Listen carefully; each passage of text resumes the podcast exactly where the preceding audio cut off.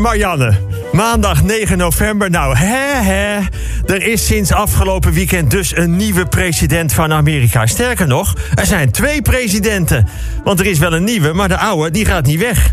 Of zoals hij het zelf zegt, knapperboy who gets me away. Nou, wat krijg je als mensen overal de methode Trump gaan volgen? Wil een trainer jou wisselen voor een andere speler? Nou, laat hem maar het veld opkomen. Ik blijf gewoon staan. Schat, ik wil van je af. Moet je doen hoor, ik blijf gewoon bij je. Vorige week zeiden ze bij de leiding van 538... Peter, we willen dat jij stopt als columnist op de vrijdag. Ik zeg, nou, heel goed, maar dan blijf ik wel presenteren. Ja, zeiden ze, dat is ook de bedoeling. Maar goed, dat laatste had ik nog niet mogen zeggen tegen Frank. Goed.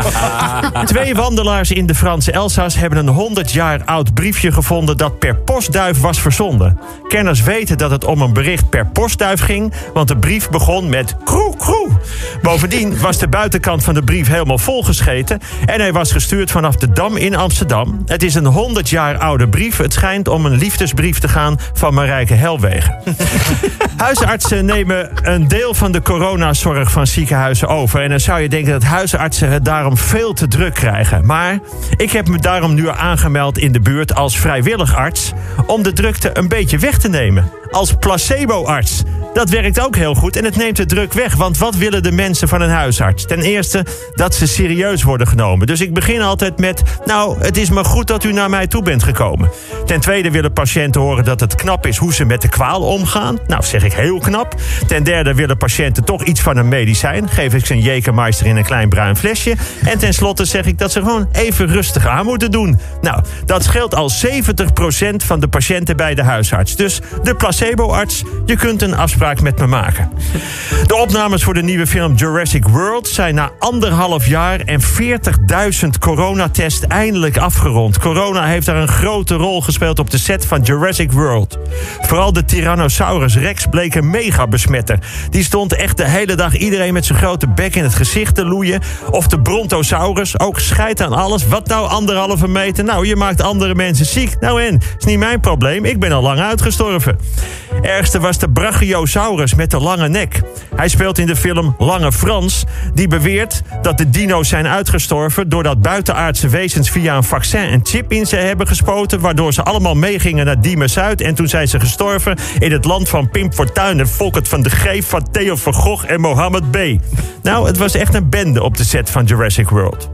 Dinsdag 10 november, volgens Arie Slop, minister van Onderwijs mogen scholen, als daarnaar wordt gevraagd, homoseksualiteit afkeuren als ze wel toezien op een veilig leerklimaat. Het gaat hier over reformatorische scholen waar ouders van tevoren een verklaring moeten tekenen dat ze homoseksualiteit afkeuren, anders mag een kind niet naar school dan maak je er op school toch een potje van. Of nou, dat is niet de juiste voortkeuze in deze. Op school homoseksualiteit afkeuren, dat is totaal achterlijk. En dat is het ook, want in die verklaring moet je ook tekenen dat je elektriciteit afkeurt en dat meisjes aan het begin in het water worden gegooid om te kijken of ze drijven, want in dat geval zijn het heksen en die worden niet aangenomen op school. Arie Slop heeft hiermee ook iets ondertekend, namelijk zijn ministerieel brevet van onvermogen. En ja, ik weet ook dat een bepaald deel van het volk nu gaat roepen: Oh Peter, dan moet je ook iets zeggen over islamitische scholen. Nou, bij deze net zo achterlijk. En het is dat ik niet kan tekenen, anders had ik er een cartoon van gemaakt. Woensdag 11 november. Er is een veelbelovend vaccin tegen corona. Fabrikant Pfizer heeft een vaccin dat volgens hun 90% effectief is. Nou, schitterend. Nederland kan via de voorbestelling 7,9 miljoen exemplaren tegemoet zien. Dat is voor bijna 4 miljoen mensen. Want de vaccinatie bestaat uit twee prikken. Die moeten gegeven worden met precies drie weken ertussen. Dat vaccin bleek dus ook nog enorm goed te kunnen uh, klok kijken. Nou, 4 miljoen mensen. Eerst komen de mensen met een kwetsbare gezondheid. Dan zorgmedewerkers, politie, brandweer, onderwijs. Andere mensen in vitale beroepen. Heel veel anderen. En dan helemaal onderaan Lange Frans en minister Slop. Nou, het kabinet wil een volledig vuurwerkverbod. Ik heb twee ervaringsdeskundigen gebeld wat ze daarvan vinden. De eerste zei: Nou, ik ben heel blij dat er een verbod komt. Vuurwerk is belachelijk. Ik zit elk jaar met oud en nieuw te janken van ellende. Aldus Harry, een golden retriever uit Den Haag. De andere die ik heb gesproken is dokter Vermeulen, traumachirurg in Rotterdam. Hij zegt: vuurwerk verbieden helpt niet om heel veel druk te, te verlichten bij de zorg. Veel beter is het als mensen niet met een glas champagne bij elkaar gaan staan met oud en nieuw. En zeker niet zoenen met oud en nieuw. Nou, dat vind ik nogal wat. Niet zoenen met oud en nieuw. Het is vaak mijn enige kans. enige keer in het jaar dat ik onbegrensd om me heen kan gaan tongen. Ik maak al weken een lijstje wie ik met oud en nieuw in de buurt allemaal ga zoenen. Want dan mag het. hey, buurvrouw van nummer 27, gelukkig nieuwjaar. En bam, daar ga ik. Want het is oud en nieuw en dan mag het. En wat dacht je van al de nieuwjaarsrecepties en de eerste dag in het nieuwe jaar op je werk? Heerlijk. Zoenen wat het te zoenen valt. Oliebollen, vet op je lippen, poedersuiker erover en ze van alle kanten het beste wensen. Kortom, vuurwerk is het probleem niet. Maar zoenen, dat hebben we nodig. Juist nu.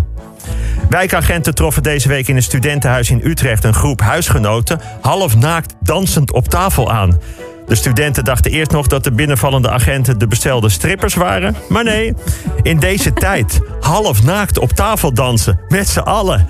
Ik dacht dat het een nieuwtje was, maar Hannelore vertelde dat zij thuis heel vaak studentenhuisjes spelen. Nou, donderdag 12 november, minister Slop heeft een beetje teruggekrabbeld. Hij heeft het ingezien. Zoals ze wel eens zeggen, iedereen is 80% van het een en 20% van het ander. En dat beseft 20% ruige Ari nu ook. Topbokser Mike Tyson heeft vroeger bij dopingcontroles gebruik gemaakt van een kunstpenis met urine van zijn baby. Voor degenen die het niet weten, bij een dopingcontrole moet er dus echt iemand kijken of wat je plast wel uit je eigen lichaam komt. Dat is een beroep dat je gaat kijken waar het uitkomt als iemand zit te plassen. Wat wil jij laten worden? Dopingcontroleur. Dan ben je toch niet helemaal lekker? Maar goed, Mike Tyson had dus een neppenis die hij uit zijn broek toverde en dat werd geloofd. Ik heb dat ook een keer gedaan bij een vriendin. Maar die trapte niet in. Vooral omdat de mijne dezelfde kleur had als die van Mike Tyson. Nou. Vrijdag 13 november in Nieuw-Zeeland is gefraudeerd met de vogel van het jaarverkiezing. Er is illegaal te veel gestemd op de winnaar, de grijze kiwi. En ook over nummer 2 zijn er klachten. Want via, via Sexshop Adult Toy Megastore waren er extra veel stemmen naar de geelrand honingeter.